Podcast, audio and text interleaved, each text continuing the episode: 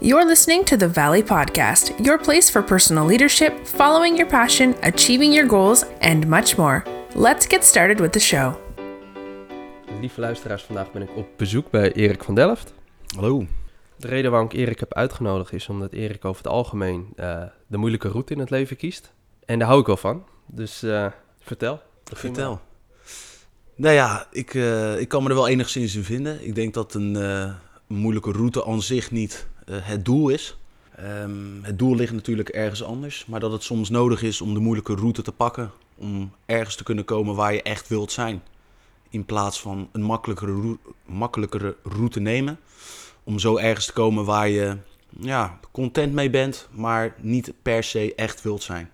Ja, en ik neem aan dat je dat al wel eens eerder hebt meegemaakt, want ik uh, ken je een beetje. Voor de luisteraars, uh, ik heb met Erik op school gezeten in de schoolbanken. En uh, van nature is Erik een salestijger. maar dat doet hij inmiddels niet meer. Nee, dat is in het verleden inderdaad meer leidend geweest. Ja. Daar heb ik toch op een gegeven moment de keuze van gemaakt om van weg te stappen. Ja. En dat klinkt misschien gek, want even een introductie. Hij heeft zijn studie afgerond en daarna begonnen bij uh, zijn eerste echte werkgever, als ik het zo netjes mag neerzetten. Toch? Ja. En een half jaar kom je erachter van, hé, hey, dit is het niet. Ik ga eens weer wat anders zoeken. Ja, klopt. Nee, zeker. Dat was uh, een interessante periode. In de ICT, uh, ja, software, sales, razend interessant vakgebied aan zich natuurlijk. Alleen, ja, op een gegeven moment kom je er dan wel achter of iets eh, het voor jou is. En of je een visie kan ontwikkelen voor lange termijn binnen een bepaalde richting. En voor mij ontbrak dat er echt aan. En dan, dan moet je keuzes maken. Daar geloof ik wel echt in. En dat, uh, dat heb ik ook gedaan. Ja, het is niet de eerste keer, hè? Want ik kan me nog herinneren dat jij... Moet ik het even goed zeggen? Commerciële economie, dat werd hem niet? Klopt. De eerste hbo-studie na mijn HAVO. Ja. ja, toen werd het logistiek. Klopt ook. Ook meegezocht.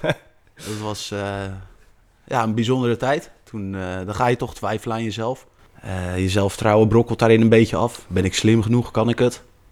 Wat wil ik nou eigenlijk? Waar ben ik mee bezig? En ja, eigenlijk in die periode kwam er een buurman. die woonde sinds een korte tijd naast mij. En dat was een ondernemer. En ja, dat vond ik eigenlijk een hele toffe man. Daar kon ik goed mee praten. Dat deden we ook geregeld.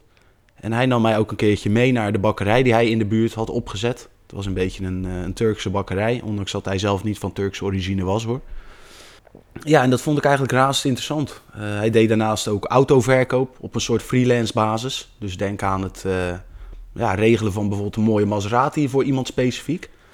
En die haalde hij dan bijvoorbeeld in zijn eentje op in Spanje. En die reed hij vanaf daar terug naar locatie X. En dan gaf hij hem af bij de persoon in kwestie die die auto per se wilde hebben. En daar is denk ik eigenlijk een beetje mijn gevoel voor ondernemerschap begonnen. En eigenlijk dacht ik zodoende ook van, joh, uh, die studie Small Business en Retail Management, daar moet het in gaan zitten. En dat is dan de HBO-studie, de derde geworden. en die heb ik gelukkig wel afgemaakt, ja. Hoe oud was je toen jij de derde begon? Ik denk dat ik tegen die tijd een jaar of 19, 20 was. Ik kwam op mijn zeventiende van de HAVO, dus ja, twee jaar later Kijk, ik lach erom, omdat de grap is, we gaan nu richting de 30 toe. Ja. En nu kunnen we het allemaal relativeren. Maar uh, dat is. Toen dacht je er heel anders over waarschijnlijk. Uh. Zeker, zeker. Kijk, uh, dat, dat is zeker op die leeftijd toch een, een heftige keuze om te maken. Ik, ja, zeker na de tweede HBO-studie had ik echt het gevoel van, ja, waar ben ik nou mee bezig? ik, was, ik was geen domme jongen en daar was ik mij best wel bewust van. En ik had wel het idee van, ja, er moet toch wel iets voor mij ook zijn weggelegd. Ik moet toch ook wel iets razend interessant kunnen vinden en daar mezelf in kunnen ontwikkelen en verder kunnen studeren. En in al mijn twijfel na die tweede studie heb ik nog zelfs bij een Albeda College gezeten, gekeken naar de, ja, een MBO-opleiding. Omdat je toch zover aan jezelf gaat twijfelen en eigenlijk niet weet wat je wilt, dat je denkt van misschien moet ik uh, ja, de keuze maken om gewoon een papiertje maar binnen te halen. En vanuit daar maar verder te kijken. Ja, dat, ik ben blij achteraf gezien dat ik dat toch niet heb gedaan. Dat ik ondanks de twijfel toch de keuze heb gemaakt om door te zetten en nog een HBO-studie op te pakken. En uh, ja, dat heeft mij uiteindelijk wel uh, veel gebracht. Dat is de juiste keuze geweest, durf ik wel te zeggen. Ja. En dan gaan we even verder in de tijd. Dus je hebt vier jaar dan HBO gedaan. En dan besluit je op luitere leeftijd van ik ga het even ergens anders zoeken. Ja. Hoe is dat gekomen? Ja, hoe is dat gekomen? Kijk, als ik het even heel eerlijk zeg, eh, dan heb je het natuurlijk over hoe ik bij Tilburg ben beland, in feite. Ehm, het komt er eigenlijk op neer dat ik voor mijn HBO gemiddeld een 6,9 had. En de Erasmus Universiteit, daar moest je gemiddeld een 7 staan. Dus die kon ik afschrijven. Daar ging ik niet aangenomen worden. Dus ik had nooit een master meer kunnen doen aan de Erasmus Universiteit. Nou ja, de ene kant vond ik dat hartstikke jammer. Anderzijds dacht ik, oké, waar de één deur sluit, daar gaat een andere open. Er zijn nog zat universiteiten. En Tilburg kon ik toevallig, eh, omdat daar een oud klasgenootje ook een studie had gedaan. Die had wel eh, zijn eerste HBO-studie gelijk afgemaakt en is daarna ook gaan eh, studeren in Tilburg. En even voor de goede orde. Je bent al wat later klaar voor je gevoel met school. Ja, En de vrienden om je heen, die maken, al, eh, die maken er een mooi leven van, als ik het netjes zeg. ja En die je- waren al eh, aan het werk. Ja. Ja. En dan kies je ervoor om toch je korte termijn eh, verlangens in te wisselen voor je langere termijn. Ja. ja, dat is ook niet altijd makkelijk geweest.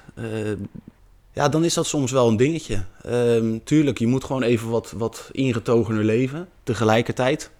Ehm, ik ging er ook wel echt zo heen met de mentaliteit van... oké, dit is nu anderhalf jaar echt even strijden. Hard werken, goed je best doen. Je hebt een doel en je wilt het graag. En ik denk dat mede door die wat hogere leeftijd... ik wel dat bewustzijn daarvan ook had. En eh, ja, dat, dat is ook heel wat waard. En dat is niet, eh, niet per se in geld uit te drukken, denk ik. En ja, natuurlijk zit je daar ook toch met het idee inderdaad van wat je ook al zegt. Op de korte termijn zal het mij geen windeieren leggen. Maar op de lange termijn hoop je daar natuurlijk wel ja, de vruchten van te plukken.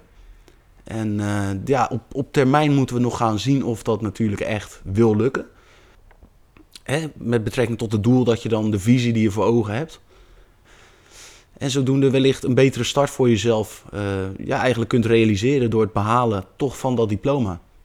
En het met je meedragen van die inzichten en kennis. Geloof je dat iedereen van een dubbeltje een kwartje kan worden? Ik geloof wel dat dat kan. Of daar de honger voor iedereen ook is. En dat is een tweede. Ik denk dat de meeste mensen er aan zich vaak niet echt behoefte aan hebben. Zeker in een land als Nederland zie je toch veel om jezelf heen dat mensen over het algemeen eh, ja, tevreden zijn met de omgeving waarin ze zich bevinden. En dat, dat is over het algemeen natuurlijk ook geen vuurtje.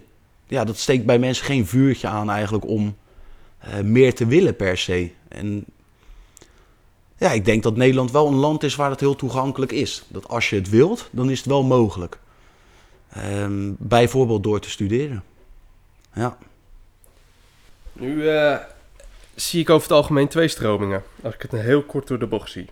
Ja. De lichting die zegt, eh, laat school lekker varen en doe wat je wilt. Ja, ja, ja. Even cru gezegd.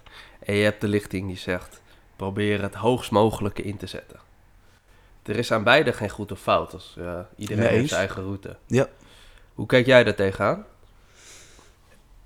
Hoe ik daar tegenaan kijk? Nou, je hebt natuurlijk inderdaad eh, jongens die al vroegtijdig beginnen met ondernemen en die daar ook succesvol in weten te zijn. Eh, toegegeven, dat vind ik ontzettend tof om te zien. Dat inspireert mij ook. Ja, natuurlijk denk je soms ook jammer dat ik zelf niet zo'n... ja, ik ben wat meer risicoavers.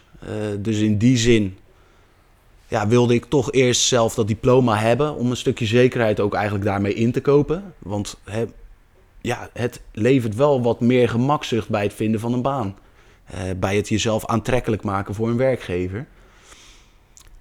En ik denk dat dat aan zich daarnaast ook gewoon een hele goede basis is, het verkrijgen van zo'n diploma. Omdat je toch tijdens de studie heel veel inzichten opdoet. En niet alleen marketing specifiek, maar ook in de breedte van het bedrijfsleven. Je krijgt toch ook een stukje mee van finance, een stukje legal. Ehm, en gaandeweg mijn studiejaren heb ik daardoor toch eh, ja, in de breedte in ieder geval een goed beeld gekregen van hoe het bedrijfsleven werkt. En heb ik een papiertje om op terug te vallen, mocht ik ooit wat meer risico opzoeken.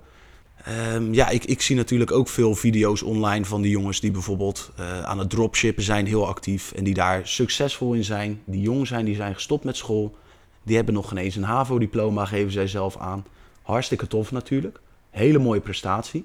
Maar eerlijk is eerlijk, het brengt risico's met zich mee. En de realiteit is nou eenmaal dat niet iedereen die een zaak begint, daar ook succesvol mee wordt. If anything, dat is eerder andersom. Het gros faalt en een deel slaagt.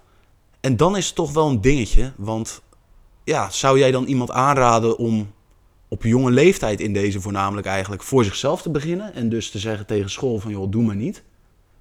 Ik zou daar zelf niet direct een voorstander van zijn als het om mijn kinderen ging. Maar goed, Mogen ze wel een sabbatical nemen van een jaar? een sabbatical van een jaar. Er moet wel een goede gedachte achter zitten. Ehm, hoe sta je er zelf in? Ik heb zelf bijvoorbeeld nooit een sabbatical van een jaar nog genomen. Ik ben nog jong. Ik denk, eh, Ehm, als ik eh, één ding anders zou doen, wat ik zou willen meegeven. ehm, heb wel eens in de nodige hostels geslapen in Europa. En dan, kom je wel eens Amerikanen tegen die ehm, een paar dagen Engeland doen. En dan gaan ze weer naar Ierland. En dan hoppen ze door van Nederland naar België. oké. Het is eigenlijk eh, een flink schema. Maar die, die nemen wel echt hun tijd om. Ja, dat is misschien gek omdat ze weinig tijd per land hebben, maar om dingen te ontdekken. Ja. En drie weken vakantie in de zomer. Misschien is het soms niet zo gek als, als iemand zegt van... ehm, ik heb mijn hbo afgerond of ik heb eh, mijn mbo afgerond. Noem maar op, ik ga op ontdekkingsreis. Ja, precies. Nou, ik moet zeggen, ik, ja, als je financieel gezien ook in de positie bent om zo'n keuze te maken. Ja, op zich denk ik dat dat levensverrijkend kan zijn. Ehm, laten we wel wezen, op het moment dat je werkt, dan gaat het toch een stuk moeilijker. En die sabbatical tussen de studie en je werkperiode in, is dan aan zich natuurlijk de perfecte timing om dat te doen als je ertoe in staat bent. Dus ja, ik kan er wel inkomen. Zelf niet gedaan helaas, maar het is op zich interessant, ja. Ja, ik zou dat wel willen meegeven. Eh, mijn vriendin zegt wel eens van... joh, ik wilde heel graag naar Afrika toe... maar ik heb het niet gedaan omdat ik sowieso studievertraging ging oplopen bij mijn studie. En zij achteraf heb ik daar spijt van gehad... want eh, wat is nou een half jaar op een mensenleven? Goed punt. C'est la vie, it is what it is. It is what it is. En als ik mij het niet vergis, hebben jullie dat op zich recentelijk enigszins goed gemaakt met een mooie reis door Afrika. Nou ja, twee weken Tanzania, dat is al eh, voor mij eh, mooi genoeg. Niet verkeerd. Nee, tuurlijk. Maar ik, Genieten. ik kwam thuis en ik zag mijn vriendin al eh, in de zoekgeschiedenis naar Namibië kijken. Naar de volgende. Zo gaat dat dan, hè? Ja. ja. Mooi. Zo is het. Ja, je moet er wel van maken. Hè? Het leven is een feest. Je moet zelf de slingers ophangen. En eh, ja, als je de ruimte hebt om zulke stappen te ondernemen, dan eh, zijn dat hele mooie ervaringen. Die zijn niet uit te drukken in je geld over de eindstreep. Dus er is zeker wat voor te zeggen. Ja, en dat, dat eh, nou, je hebt zelf ook tijdens HBO in Engeland gewoond. En natuurlijk die contacten vervagen over de jaren heen. Daar kunnen we allebei Ja, cru genoeg niets aan doen. nee, tuurlijk. Maar je hebt wel van die, die bijzondere anekdotes. Bijvoorbeeld, nou, ik kan zelf opnoemen dat ik een keer door Estland heen ben gegaan met een bus. Vet. Ja. En in wezen is dat helemaal niet zo bijzonder. Maar je hebt altijd wel een bepaalde eh, invalshoek. Dat je toch een beetje weet wat er speelt ergens. ja, tuurlijk. En eh, ik ben ervan overtuigd dat het je ook een, een... Niet een beter persoon, maar meer fundamenten meegeeft als je hier in Nederland woont. Dat je dat besef beter hebt. Dat denk ik ook wel. Ook omdat je wat meer hebt meegekregen van eh, ja, andere culturen in feite. En dat, dat brengt op zich vaak ook andere perspectieven met zich mee. En dat, eh, dat kan je wel verrijken als mens. Daardoor krijg je wat meer inzicht in hoe iemand zou kunnen denken. En ondanks dat je het zelf misschien dan soms niet met bepaalde zaken natuurlijk eens bent en of hoeft te zijn. ehm, ja, je het wel kan inbeelden waarom iemand daar wel bijvoorbeeld op een positieve manier eh, tegenaan kijkt of niet. En dat, dat is denk ik, eh, ja, het verrijkt je wel als mens denk ik ook, zulke ervaringen. Ja, zeker. Hey, als we kijken naar ondernemen hè, en ehm, Ja, Wat mij fascineert is dat eh, het leukste wat ik zie is dat mensen van 0 naar 1 gaan. En dat is ontzettend moeilijk, maar ehm, je moet kijken naar mogelijkheden. En als ik ook bijvoorbeeld kijk naar succes, dan zie je dat er ergens al een trigger is geweest. ja vaak wel denk ik. En ik weet dat jij de IT bent gegaan naar marketing. Het is een route die weer even wat anders was. Wat gaf bij jou de trigger? De trigger. Ehm, nou ja, ik heb mezelf ook laten inspireren door eh, twee compagnons waar ik eh, tijdens mijn HBO-studieperiode eh, een bedrijf mee heb opgezet. Helaas nooit echt van de grond gekomen. Maar dat waren twee developers. En destijds was ik de man van de sales. En deed ik de marketing ook een beetje erbij. En eh, ja, daar is eigenlijk toch wel een bepaalde interesse gekomen voor eh, IT in de breedste zin van het woord. Omdat ik zag wat die jongens konden bouwen aan websites en aan eh, softwareprogramma's, noem maar op, scripts, alles.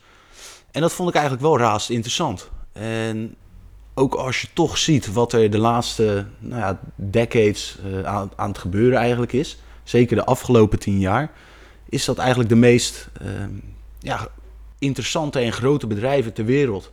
Dat zijn techbedrijven.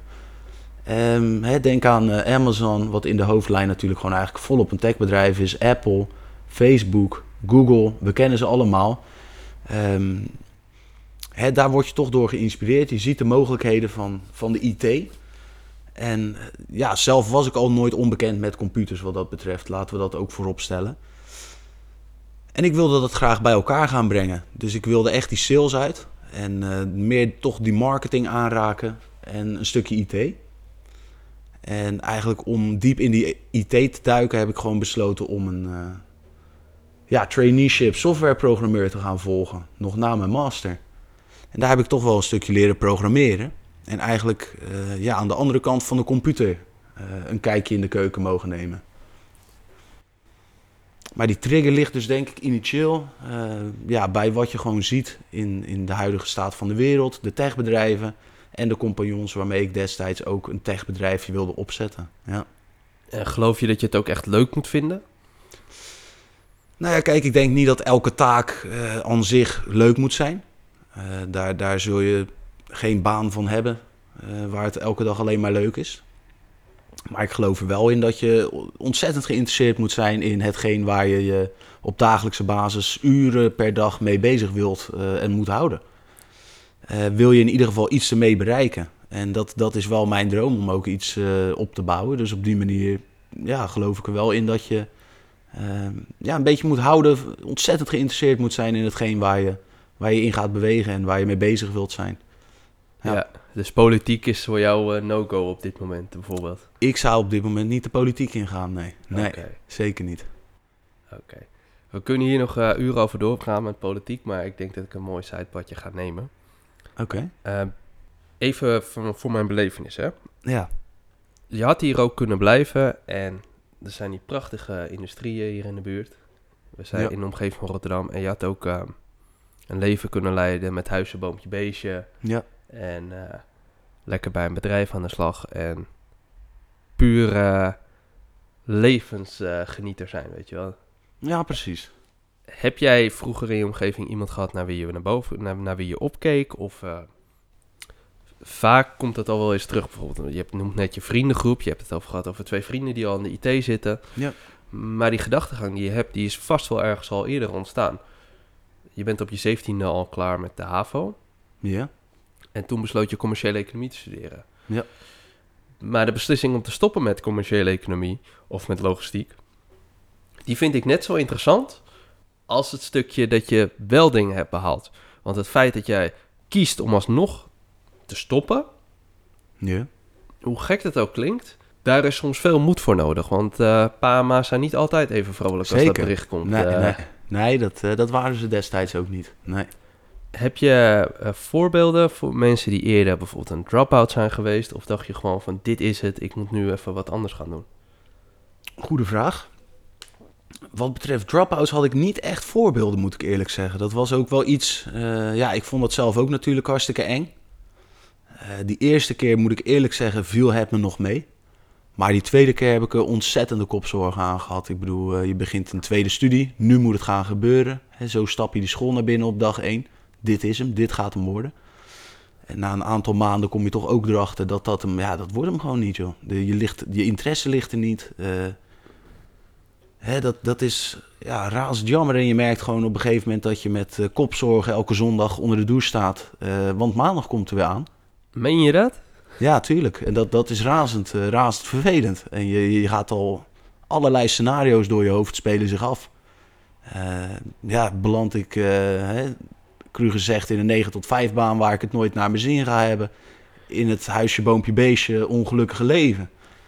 Uh, hoe ga ik dit aan mijn ouders vertellen dat ik weer ga stoppen met een studie voor de tweede keer? Die zij effectief gezien uh, wel bekostigd hebben, want zo waren mijn ouders dan wel weer. Um, Maar ja, dat, dat zijn dingen die wel door je hoofd gaan. Het is een, eh, ja, zure periode. Niemand wil de drop-out zijn. Het is eh, ontzettend zuur. Je ziet oud-klasgenootjes wel doorgaan. Die behalen hun P, die maken stappen. En jij zet eigenlijk een stap terug. Ja, hoe ga je daarmee om? Eh, dan denk ik toch altijd aan die scène van Rocky. It's not about how hard you can hit. It's about how hard you can get hit and keep moving forward. En ik denk dat dat eh, ook een leidende slogan voor de meeste mensen in het leven zou moeten zijn. Een jaartje terugval is totaal niet erg. Je leert jezelf weer een stuk beter kennen. En dat kan ik wel effectief zeggen over die tijd. Het was moeilijk om te stoppen. Maar het heeft me wel in een positie gebracht waarin ik even nog dieper moest nadenken over wat ga je nu doen en waarom ga je dit doen. En dat heeft mij wel naar een goede, ja, goede richting ingebracht. Hoe is het toen gegaan met je vrienden? Hoe reageerden zij erop? Ja, variërend. Ehm, kijk, in mijn vriendengroep was ik een van de weinigen die uh, studeerde. Dus het gros van de mensen heeft uh, ja, wel gestudeerd. Die heeft een mbo gedaan en die is daarna gaan werken. En eigenlijk maar één maat van me die deed uh, ook een hogere school. een opleiding aan de hogeschool. En ja, die, die zei toch ook van, weet je dit nou wel zeker? Uh, is het nou wel verstandig? Wat wil je dan gaan doen? Ja, dat, die, die zijn toch ook gelukkig wel enigszins kritisch geweest. Uh, ja, je moet natuurlijk ook niet altijd maar, zeker je vrienden niet, altijd maar zeggen van... Doen, doen. Weet je, met iemand naar de mond toe praten, daar heeft, heeft iemand niks aan. Dus als je echt een vriend bent, dan, dan zeg je wat er op je hart ligt. En dat, dat is denk ik wel gedaan destijds. In ieder geval door een aantal. En ja, Geloof je dat vrienden een grote invloed op je hebben? Absoluut. Waar je mee omgaat, word je toch een beetje mee besmet. En, uh, een beetje hoor ik. Ja, zeker. Kijk, je, je wordt niet opeens gelijk aan elkaar. Je hebt allemaal eigen dromen en eigen idealen. ondanks dat daar wel natuurlijk, hè, veelal met vrienden, veel overlap in is. En ja, dat, dat is denk ik belangrijk. Maar carrièreambities komen niet altijd overeen. En dat, dat maakt op zich niet uit. Um, als je maar wel bereid bent de stappen te nemen uh, die je zelf wilt nemen. En dat, dat is belangrijk, denk ik. Ongeacht wie je vrienden zijn. En geloof je dan ook een beetje in, sommigen zijn heilig van overtuigd in de law of attraction? Ja. Ben je daar eentje van of zeg je van, nou, dat vind ik iets te zweverig? Nee, ik geloof daar wel in. Ik geloof daar wel in. Um, ik denk dat het heel belangrijk is om daarbij te nemen dat de law of attraction inderdaad... Het klinkt altijd natuurlijk heel erg sexy, heel hyped up. Um, maar het is in feite niks meer, denk ik, dan de manifestatie van gedachten. En wat ik daarmee wil zeggen is eigenlijk... Als ik elke dag, heel de dag, alleen maar nadenk over... Noem een zijstraat, over het zijn van een voetballer... En ik doe ook heel de dag niks anders dan voetballen en ik droom elke dag. Ik eet in lijn van hoe een voetballer zou moeten eten. En dus eigenlijk alles op alles zet om dat te worden. En in de voetballer, ja, professioneel voetballen, zul je natuurlijk op een tijdige leeftijd al weliswaar moeten beginnen met de sport. Maar dan geloof ik wel dat je dat uh, in ieder geval ja, je kansen vergroot over de eindstreep zijn genen bijvoorbeeld ook altijd nog een factor die dat onderuit kunnen halen. Of uh, ongelukjes in het leven. Maar... Dus, dus uh, kort gezegd, uh, jij gelooft dat iemand die zich kwaad maakt op zijn achttiende en gewoon even hard zijn best doet, dat er ergens, als hij professioneel voetballer wil worden, dat hij in de tweede divisie van pak een beet Noorwegen of dat zou mogelijk nog uh, kunnen lukken. Ik ben er wel van overtuigd dat in het geval van professioneel voetballen of professioneel basketballen of noem maar op wat voor sport, dat over het algemeen uh, je wel als kind al bezig moet zijn met die sport. Als je naar het bedrijfsleven kijkt, geloof jij in win-win bijvoorbeeld? Ik geloof wel in win-win. Ik denk wel dat het uh, mogelijk kan zijn waarde aan elkaar te leveren en daarbij de iets aan te verdienen bijvoorbeeld ook. Alleen of dat daadwerkelijk natuurlijk in elk scenario plaatsvindt, is een tweede. Ja, dat, dat vind ik heel lastig te zeggen. Dat, dat, er zullen natuurlijk zat uh, voorbeelden ook te vinden zijn waarin keihard misbruik is gemaakt van een situatie. Hè, ja, daar, daar heb je ook ongetwijfeld zat voorbeelden van. Um, ik denk dat dat net zo evident is als dat je mensen hebt die vanuit het goede uitgaan, uh, maar als ook mensen hebt die vaker van het negatieve uitgaan. ja, dat is natuurlijk ook een ding. Hè? Met wie doe je zaken? Uh, bij wat voor bedrijfscultuur uh, ja, bevind je je? Uh, is dat heel erg autoritair en, en competitief tussen je collega's? waardoor je dus ook het risico krijgt dat als er tien strijden om één positie, dat je dolksteken in je rug kan verwachten. Of werk je allemaal naar een gezamenlijk doel toe als een team, waarin je niet direct aanst op een gelijke positie en dus niet echt in elkaars vaarwater zit. Um, ja, dat zal sneller leiden in mijn opinie tot een win-win situatie. Omdat je er allemaal baat bij kunt hebben. Dan uh, het eerder genoemde voorbeeld. Ja, even voor de goede orde. Uh, ik vraag dit omdat ik weet dat Erik een sollicitatie heeft afgewezen voor uh, de tabaksindustrie. Ja, ja, ja. Nee, klopt. Philip Morris. ja, daar zag ik mijzelf absoluut niet werken. ik heb zeker idealen waarbij ik denk van ja, we willen toch ook iets uh, bijdragen aan de wereld terwijl we werk verrichten. En in het geval van Philip Morris was ik gewoon echt van overtuigd, ja, wat draag ik dan bij? Um, ja, daar kon ik voor mezelf geen antwoord op vinden. Uh, in ieder geval niet op een positieve manier. En zodoende heb ik ook gewoon stellig gezegd van... joh, luister, bedankt voor uh, het aanbod dat ik op een gesprek mag komen... in relatie tot de functie. Maar daar, daar ga ik niet op in. En uh, verder wel natuurlijk gewoon netjes veel succes gewenst. Uh, ja, dat, dat zijn dingen, je moet wel bij jezelf blijven, denk ik. En dat, dat was voor mij eentje waarbij ik mezelf niet kon verenigen met het idee dat ik voor Philip Morris, zeker in de sales, actief zou zijn. Om uiteindelijk die beslissing te nemen, kijk, mensen denken erover na, maar het feit dat je het doet, ja. dat is minder makkelijk dan mensen denken. Tuurlijk, ja kan ik uh, me inbeelden. Ja, dat is natuurlijk iets, uh, je laat dat een keertje sudderen in je hoofd. En uh, zeker na de periode van de studie, ja, dan ga je die arbeidsmarkt op. Je gaat ontzettend veel bedrijven bekijken.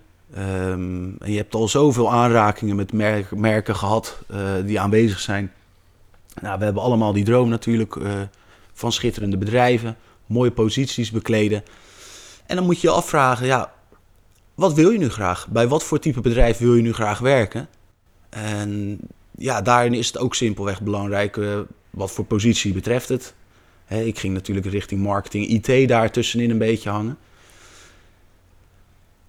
Ja, en dan moet je toch bij jezelf ook bewust zijn van... ik wil wel een bedrijf wat mij ook weerspiegelt als mens. Waar, ja, ik een gevoel heb dat ik mij kan verenigen met het brand. Wat, wat de brand doet en wat ze uitstralen en wat ze willen bereiken.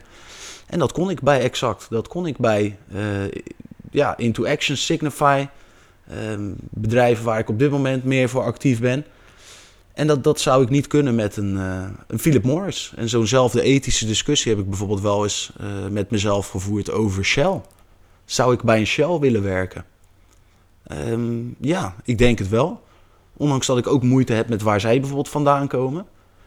Maar dan denk ik van ja, zij zijn wel ook actief bezig met uh, de energietransitie. En ironisch genoeg, uh, grote spelers in die transitie die wel impact kunnen gaan maken op het macroniveau daarin. En dat, dat is van belang.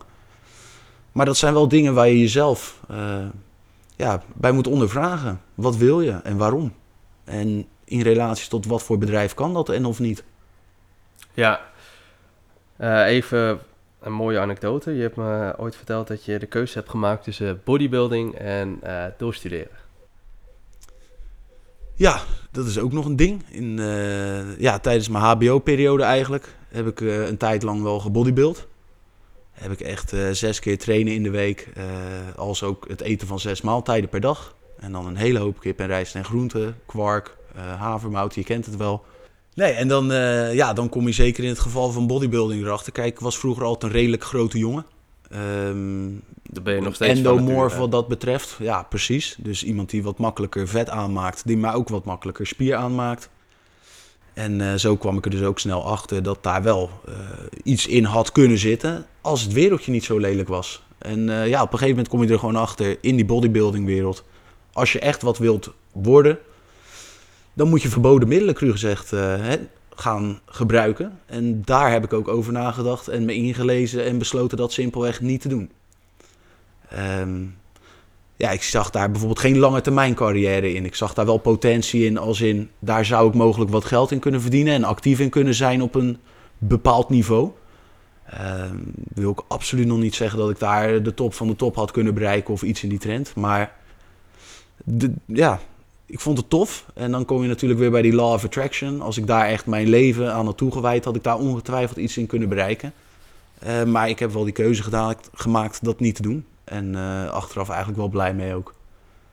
Het is een eh, wereld die ja, visueel ontzettend gezond lijkt. Maar in de praktijk dat niet is. En dat, dat is jammer. Ja. Ja, ik, het is weer een voorbeeld dat je een route kiest op de langere termijn. Ja.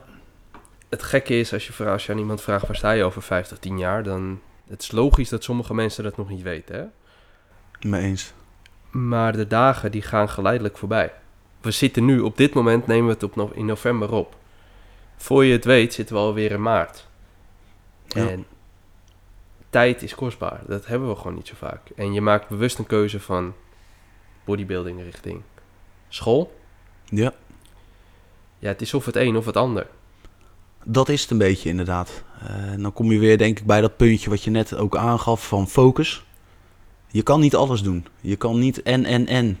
Eh, en dan ook in alles nog eens eh, een optimale performance realiseren. Dat, dat gaat gewoon niet. Dus daar moeten keuzes gemaakt worden. Zeker gaandeweg de tijd die vliegt. Moet dat gewoon gebeuren. Mooi gezegd. Ik wil eigenlijk met je drie stellingen doorbrengen. Oké. En het is de bedoeling dat je eentje kiest. En dan mag je toelichting geven. Oké. Dus de eerste is eh, denken of doen. Denken.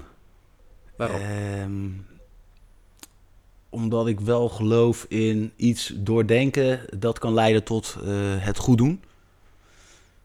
En als je zomaar iets gaat doen en daarna pas erover na gaat denken, dan zal je 9 van de 10 keer, denk ik, eh, een slecht begin maken. En ja, een goed begin is het halve werk. Dus ik zou eerst over de zaak nadenken voordat ik iets ga doen. Oké, duidelijk. Eh, vroeg opstaan of laat naar bed? Laat naar bed, ben ik bang. S S'avonds heb ik altijd wel een heel fijn gevoel wat betreft creatieve energie. Eh, waar ik ochtends toch iemand ben die het eerste uurtje echt even moet opstarten. Het is niet dat ik uit bed rol en eh, spontaan een glimlach op mijn gezicht heb. Dat, dat duurt eventjes. Dus ik ben niet per se van nature een ochtendmens. Maar als ik eenmaal wakker ben, dan eh tuurlijk, dan gaat eh, het gas erop en dan kunnen we knallen.